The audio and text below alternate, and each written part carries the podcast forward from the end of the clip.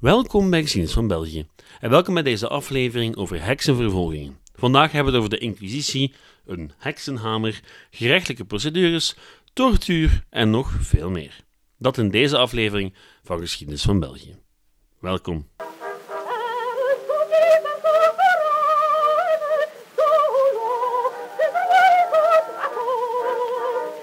Oké, heksenvervolging. Laat me daar onmiddellijk bij zeggen dat we zullen focussen op de lage landen en op het verleden. Want heksenvervolging is eeuwen oud en eeuwig jong tegelijkertijd. En is verre van een louter Europees fenomeen. Congo, Zambia, India, Saudi-Arabië, Indonesië en zoveel meer plekken in de wereld kennen of kenden hun eigen vorm van heksenvervolging. Verhalen die evengoed fascinerend zijn, maar vandaag hebben we het in de eerste plaats over de lage landen en dan nog eens de zuidelijke Nederlanden. En dan vooral over de vroegmoderne tijd, want heksenvervolging mag dan wel vooral met de middeleeuwen geassocieerd worden. Eigenlijk klopt dat helemaal niet. Eigenlijk loopt de tijd van de heksenvervolging traditioneel tussen 1480 en 1700. In Europa weliswaar. En de periode van 1480 tot 1700 is min of meer de middeleeuwen en niet de renaissance. U weet wel, de renaissance, de tijd van de wedergeboorte, van de idealen van de oudheid, de tijd van Da Vinci, Michelangelo, Erasmus en confraters. Evengoed de tijd waarin velen die afweken van de sociale norm terechtgesteld werden als heksen, als mensen die, om welke reden dan ook, een akkoord hadden gesloten met de duivel, of zelfs gemeenschap hadden met de duivel, of feesten hadden met de duivel, en hun buren beheksten en dergelijke meer. En mensen die voor die fictieve misdaad gestraft werden. Vaak met de dood. Vandaag proberen we te achterhalen waarom een van de meer barbaarse fenomenen uit de Europese geschiedenis precies plaatsvond tijdens een van de zogezegd meest verlichte periodes uit diezelfde geschiedenis. Nu, beginnen we met het algemene verhaal en dan hebben we het over één specifieke casus in de lage landen die ons eigenlijk al een heleboel zal bijbrengen over hoe zo'n heksenjacht eigenlijk verliep. Al kan ik wel al een stukje van de sluier oplichten. Um, het is ingewikkeld. En dat is dan nog echt de korte samenvatting. Um, ik heb me voor deze aflevering door een heleboel literatuur proberen te worstelen. En hoewel ik denk dat ik het min of meer snap, heb ik geen idee hoe dat allemaal moet uitleggen. Want het grootste probleem is dat het debat over de heksenvervolging nog steeds aan de gang is. En dat met elke nieuwe generatie de discussie over de oorzaak van de heksenvervolgingen opnieuw transformeert. Het probleem is ook dat het fenomeen niet overal evenveel voorkwam of met dezelfde intensiteit. In sommige landen lijkt de ene oorzaak plausibel en in andere dan weer helemaal niet. Laat me overgaan tot een korte oplijsting van mogelijke oorzaken. Oorlog, hongersnood, klimaatverandering, stijgende huwelijksleeftijden, de sluiting van kloosters in protestantse landen, de reformatie in het algemeen, de contra-reformatie, een vertaalfout in een bijbel en vrouwenhaat. En eerlijk, er valt voor elk van die oorzaken wel iets te zeggen. Alleen verklaart geen enkel het fenomeen volledig. Wat dus vraagt om een heel genuanceerde uitleg, waar ik momenteel niet toe in staat ben. Vroeg of laat doe ik een interview met een expert, maar vandaag wil ik vooral enkele mythes uit de wereld helpen over hoe zo'n heksenvervolging eigenlijk verliep. Dan eens uitleggen hoe dat in onze streken er af en toe aan toe ging. Oké, eerst context. Een van de vreemdste zaken aan de hele situatie is dat hekserij in het christendom eeuwenlang niet echt als een probleem werd beschouwd. Feit is dat wij in onze moderne perceptie van het christendom of van de geschiedenis vaak een heel stuk weglaten, of in elk geval vergeten. Het christendom is oud, dus eigenlijk kan je de hele periode vanaf Christus ook al tellen als christendom. Maar daar denken wij meestal niet zo heel hard over na. Het is alsof het niet bestaan heeft. Nu, feit is dat het heel lang geduurd heeft tot hekserij door de kerk erkend werd als een dingetje. Het werd gewoon eeuwenlang niet eens als echt beschouwd. Het duurde tot min of meer het jaar 1000 voordat men in Rome echt stopte met het bestaan van heksen te ontkennen. En vervolging was jarenlang ver van een prioriteit. Integendeel, het was een akkefietje. En de straffen waren ook heel zacht. Het is pas met de tijd dat heksenvervolging echt een ding zal worden en dat hekserij een wandaad tegen de mensheid en tegen God gaat worden. Nu, dat heeft veel te maken met het concept van de duivel. En idee dat de duivel door zijn contract met stervelingen hen een soortement van superkrachten kan schenken. En ja, dat klinkt belachelijk in hedendaagse oren, maar daar zat wel degelijk een logica achter. Een heel eigentijdse logica die we vandaag nog amper kunnen snappen. Want ja, the past is a foreign country, weet u wel. En feit is dat tegen de 15e eeuw de katholieke kerk al heel wat ervaring had met het vervolgen van mensen die het niet met haar eens was. Toen in de loop van de middeleeuwen alternatieve interpretaties van het christendom opdoken in West-Europa, werd de Inquisitie in het leven geroepen. En met militaire ondersteuning maakte de Inquisitie komaf met heidenen, maar ook met de Kataren en de Waldensers en andere groeperingen. Nu, de religieuze orde die in het leven geroepen was om ketters te bestrijden, die zou ook een rol spelen bij de heksenvervolging. Ik heb het over de Dominicanen, Dominicanes, de honden van God. Feit is dat men na het einde van de middeleeuwen in bepaalde kringen een theologische verantwoording voor heksenvervolging begon te construeren. Het idee van een heks vervolgen omdat ze een heks was, was niet genoeg. Men moest ook een uitleg hebben, een, een, een rationalisatie van waarom een heks slecht was en wat die dan eigenlijk misdeed. En heksen werden dus deel van een veel bredere theologie. En die theologie en alle ideeën rond zouden in één werk gegoten worden: de Malleus Maleficarum, oftewel de heksenhamer. Algemeen beschouwd als het standaardwerk van de demonologie in de 15e eeuw. En laat die Malleus Maleficarum, excuseer, Malleus Maleficarium, opmerkingen over mijn Latijn mogen gerust doorgestuurd worden naar het e-mailadres laat net die Malleus Maleficarium een van de beste voorbeelden zijn van hoe heksenvervolging vooral geen zaak is van de middeleeuwen, maar van de renaissance en van een poging om de wereld te rationaliseren. Laten we beginnen bij de schrijver van De Heksenhamer, een zekere Heinrich Kramer. Nu, die Kramer was een Duits Dominicaan die in de tweede helft van de 15e eeuw actief was als inquisiteur in het Heilig Roomse Rijk, Groot-Duitsland. Nu, Heinrich had een fascinatie met magie en heksen. En hij zag het als zijn levensdoel om aan die heidense en ketterse praktijken een einde te maken. Nu, dat enthousiasme werd niet gedeeld door zijn tijdgenoten. Want heksenvervolgingen waren helemaal niet populair in de periode dat ze plaatsvonden. Toch niet bij veel mensen. Het is zo dat Heinrich Kramer bijvoorbeeld, ja, die man maakte zichzelf niet populair door heksen te vervolgen. Toen hij in 1485 naar Innsbruck trok om heksen te vervolgen, beschuldigde hij uiteindelijk 14 mensen, en vooral vrouwen. Nu, het waren vrouwen met een zekere mate van onafhankelijkheid, en het was zo duidelijk voor sommigen binnen het bisdom dat dat niet klopte, dat de bisschop uiteindelijk ingreep en Kramer verbande uit het bisdom waarna Kamer de nood voelde om zich te verantwoorden en uit te leggen dat hij wel gelijk had. En net daarom schreef hij die heksenhamer.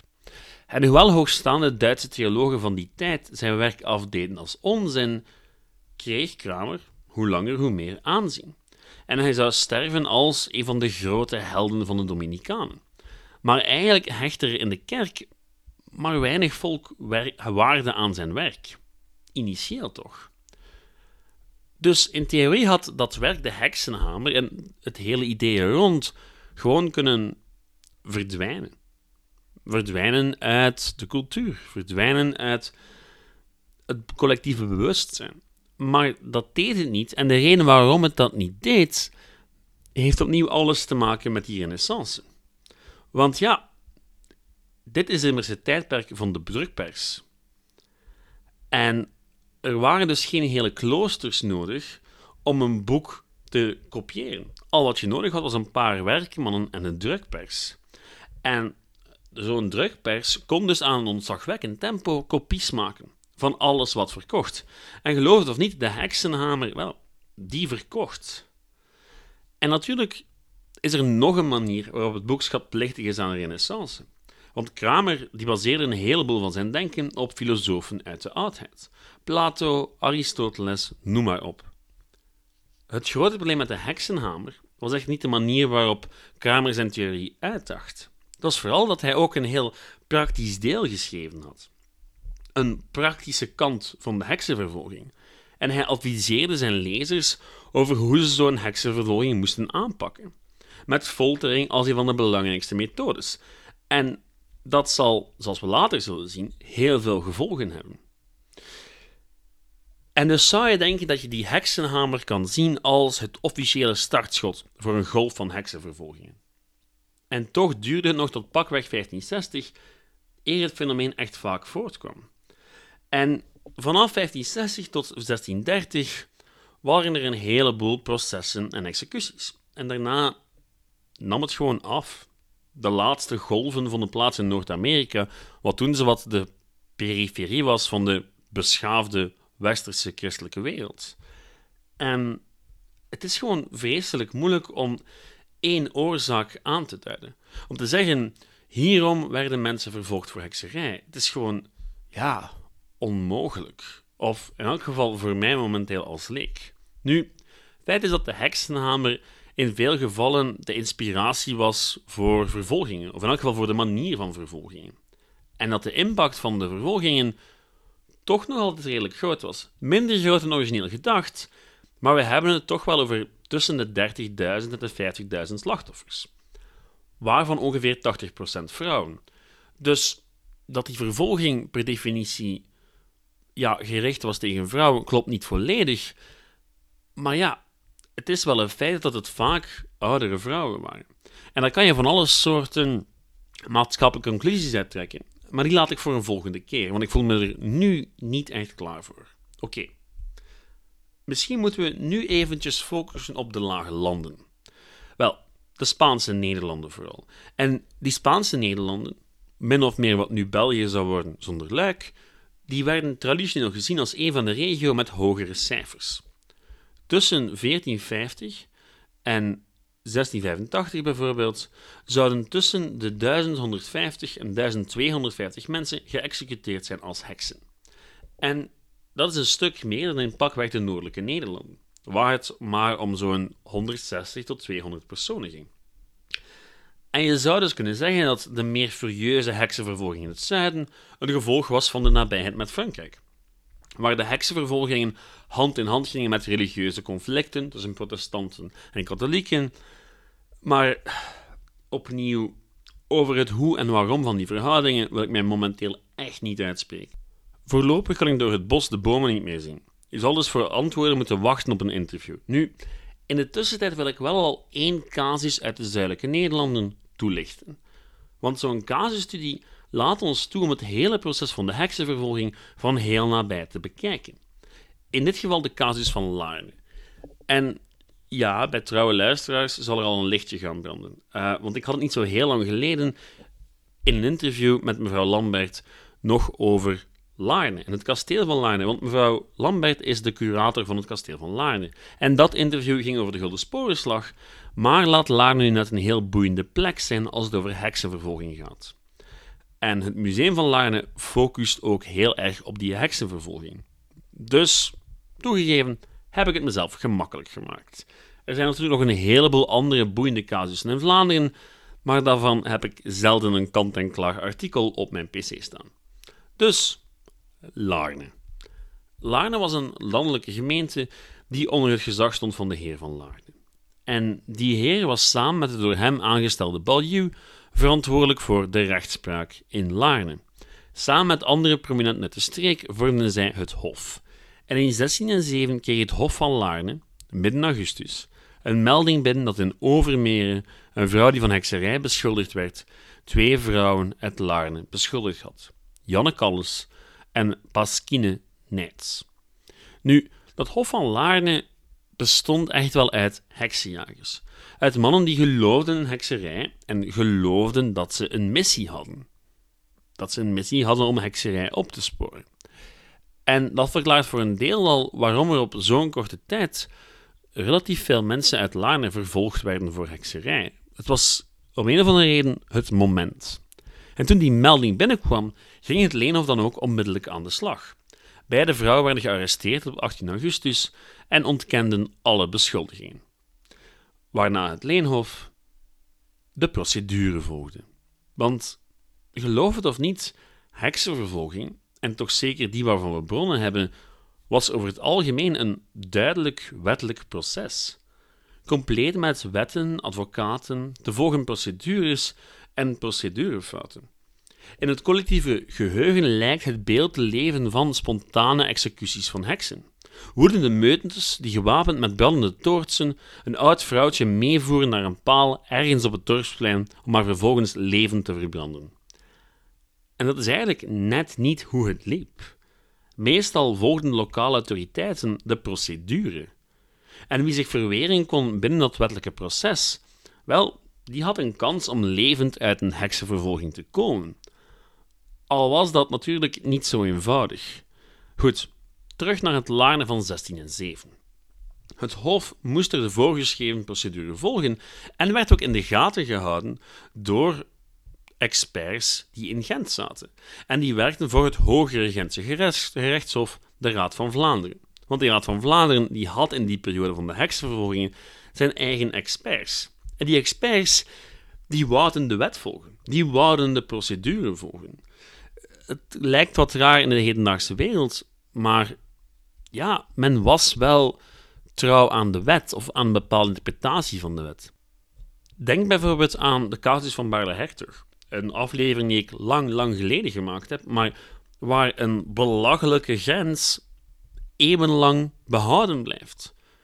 Gewoon omdat het de wet was, omdat het lijntjes op een kaart waren die eeuwen geleden getekend waren. En tot op de dag van vandaag blijft men daar trouw aan, maar evengoed tijdens de middeleeuwen, evengoed tijdens het Ancien regime, evengoed tijdens het jonge België. Wetten hadden in het verleden wel degelijk impact. En die werden wel degelijk gerespecteerd. Zij het op een andere manier dan wij dat vandaag zouden doen. Zwat. Terug naar het Laarne van 16 en 7. Het Hof moest er dus de voorgeschreven procedure volgen. Feiten moesten bewezen worden, verdachten de mogelijkheid krijgen om tegenbewijs te leveren en beschuldigden moesten onderzocht worden op duivelstekens.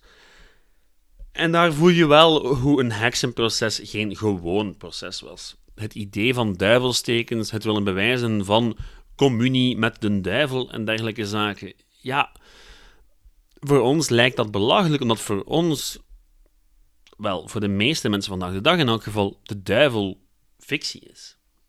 De duivel is niet echt en dat maakt voor ons zo'n proces heel belachelijk. Maar als je de duivel als echt beschouwt, wel, ja, dan zijn duivelstekens, tekens van betrekkingen met de duivel, plots wel heel relevant. Dus dat behoorde ook tot het wettelijke proces. Nu, over die duivelstekens straks meer. In Laarne was aan de eerste twee verdachten ondertussen al een derde toegevoegd, Josine Celis. Janne Collins was er trouwens in geslaagd om te ontsnappen uit de kelders van het kasteel van Laarne en zou pas na drie weken weer opgepakt worden. Bij de twee andere verdachten werden getuigenissen gehoord tegen hen. Alle beschuldigingen werden ontkend, maar het gevolg was enkel dat ze, dat ze onderzocht moesten worden op duivelstekens en ondervraagd onder marteling. Bij Pasquine zou de beul uit Gent vier duivelstekens vinden. En zo'n duivelsteken, dat kon van alles zijn. Het kon een geboorteplek zijn, kon een litteken zijn. Het was gewoon een kwestie van interpretatie. En vaak konden wonden van de marteling resulteren in een litteken dat als een duivelsteken gezien kon worden. Dus ja, daar zijn we wel al ver voorbij de forensische waarheid van vandaag natuurlijk. Nu, Pasquine zou na 24 uur voor een brandend vuur te moeten staan alles bekennen. Dat was de zogenaamde waakproef, waar een persoon een bepaalde periode wakker moest blijven. En ook al had Pasquine bekend, daarmee was haar lot nog niet bezegeld. Want ook in de 17e eeuw hadden mensen al hun twijfels bij de betrouwbaarheid van informatie verkregen als gevolg van marteling. Men besefte dat dat ja, niet altijd juist was. Dat men soms gewoon bekende om verlost te kunnen zijn van de pijn. En bij gevolg was de regel dat bekentenissen verkregen uit foltering achteraf, achteraf herhaald moesten worden, wouden ze rechtsgeldig zijn. En als dat niet het geval was, ja wel, dan moest de foltering herhaald worden. Tot twee keer toe. Dus ja, het gebruik van foltering was wettelijk beperkt. Maar daarom was ze niet minder effectief. In de meeste gevallen kraakte men tijdens de foltering en bevestigde men de dag nadien uit angst gewoon de beschuldigingen. Want ja, de dood leek blijkbaar beter dan de pijn. Zo ook Pasquine, die alles bekende. Hetzelfde gebeurde met Josine Celis, en beide werden ter dood veroordeeld. Ook nog een derde beschuldigde wachtte hetzelfde lot, Wilhelmine Veermans. Nu, Pasquine en Josine stierven op 11 september 1607 en waren eigenlijk typische slachtoffers van de heksenvervolging. Oudere vrouwen uit de lagere klasse die van niemand veel hulp verwachten moesten. En eigenlijk ook helemaal niet capabel waren om zichzelf te verweren in een dergelijk proces. Maar er was nog een andere beschuldigde, Lieven Lammens. En Lieven Lammens die zou zich op allerlei manieren verzetten. En dat ligt niet alleen aan het feit dat hij een man was, maar hij was ook een redelijk welgestelde landeigenaar. Iemand met geld dus, en een zeker begrip van wetten en rechtsprocedures. En toen de Gentse beul twee duivelstekens vaststelde, toen liet Lieven het daar niet bij. Zijn familie haalde er twee Gentse dokters bij die vaststelden dat het littekens van zweren waren. En dus geen duivelstekens. In een eerste fase van het proces liet hij zich zelfs bijstaan door een procureur, die procedurefouten uitlichtte en beschuldigingen weerlegde. Maar Lieven had blijkbaar toch niet genoeg geld en moest de man uiteindelijk laten gaan omdat hij te duur was. Maar toch bleef hij zich koppig verzetten tegen de vervolging. En de kans is groot dat hij van zijn procureur wel een paar nuttige tips heeft gehad. Want wat volgt is een heel interessant verhaal. Ondertussen had men beslist om Lieven te laten folteren. Net als de vrouwen die hem voorgingen in 1607, bekende hij uiteindelijk alles. In zijn geval na drie dagen. Maar, in tegenstelling tot de vrouwen die hem waren voorgegaan in 1607, ontkende hij de volgende ochtend alles. En na de tweede foltering gebeurde hetzelfde. Tijdens de foltering bekende hij, de volgende dag ontkende hij. En in een laatste poging besloot het Hof om Lieven naar het Gravensteen te Gent over te brengen, waar de beul meer werktuigen tot zijn beschikking had. Maar ook dat mocht niet baten. Lieven Lammens bleek te koppig voor de gerechtelijke procedure. En bij gevolg, ja, ontsnapte Lieve Lammens aan de dood.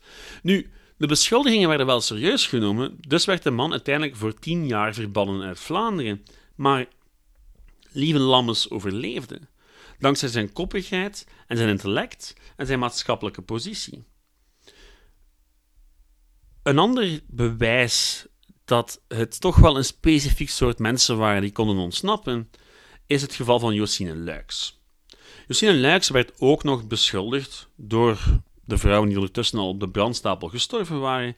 En haar geval bewijst nog beter hoe belangrijk afkomst wel was in de 17e eeuw. Want ja, heksenvervolgingen mochten dan wel deel uitmaken van een wettelijk proces. Het feit dat wij weten welke beschuldigde, dat elke beschuldigde per definitie onschuldig was, betekent dat we kunnen zien welke factoren makkelijker leiden tot een schuldig verdict. En net daarom is de casus van Josine Luik zo boeiend. Nu, om een lang verhaal kort te maken, Josine Luiks had een advocaat. Een Gentse advocaat die elke beschuldiging weerlegde. En afgaande op zijn argumentatie zou elke moderne advocaat min of meer hetzelfde gehandeld hebben. Uh, bijvoorbeeld, het zwart maken van getuigen. Ze zijn oud en hebben slechte ogen. Het duiden op de regelmatige dronkenschap van getuigen. Oh, en het argument dat de duivel de veroordeelde vrouwen had wijsgemaakt dat, jo dat Josine Luiks ook een heks was, dat die godsvruchtige vrouw ook ten prooi zou vallen aan de heksenvervolging. Enzovoort, enzovoort. De advocaat bewerkte elke hoek om elke beschuldiging te weerleggen. En dat werkte. Uiteindelijk kreeg men nieuwe getuigen op en wist men zelfs de pastoor van Laarne te overtuigen om zich uit te spreken voor Luiks, zeggende dat ze een goede parochiaan was. Iets dat die pastoor, die ook betrokken was bij de andere processen, nooit eerder gedaan had. En het gevolg was dat Luiks werd vrijgelaten. En wat was het verschil tussen Luiks en de andere vrouwen? Wel, haar man was een redelijk welgestelde schapenhouder. En ja, het is maar één casus, maar je voelt wel al een zekere logica. Nu, de vervolgingen van Laarne zijn natuurlijk maar een fractie van alle vervolgingen. Maar omdat we er zoveel van weten, vormen ze een soort van microcosmos waar verschillende aspecten van de heksenvervolging duidelijk zichtbaar zijn. Want geloof mij vrij, ik heb een heleboel zaken samengevat. In het artikel van mevrouw Lambrecht, waarop ik mij gebaseerd heb, staan volledige beschrijvingen van wat de gefolterde vrouw allemaal bekenden. En ja, dit gaat niet de laatste aflevering zijn over de heksenvervolging. Daarvoor is het een veel te boeiend en ook veel te complex onderwerp. Maar ook een onderwerp dat we een andere keer dieper gaan uitspitten. Goed, ik laat het hierbij voor vandaag. U kan de podcast steunen op Facebook Geschiedenis van België. Uh, u kan ook altijd een mail sturen naar geschiedenisvan.outlook.be. Er is nog steeds het YouTube-kanaal. En daar zal ik normaal gezien eind deze maand nog iets nieuws posten. Heel erg bedankt voor het luisteren. En bedankt voor alle steun. En tot volgende week. Ciao!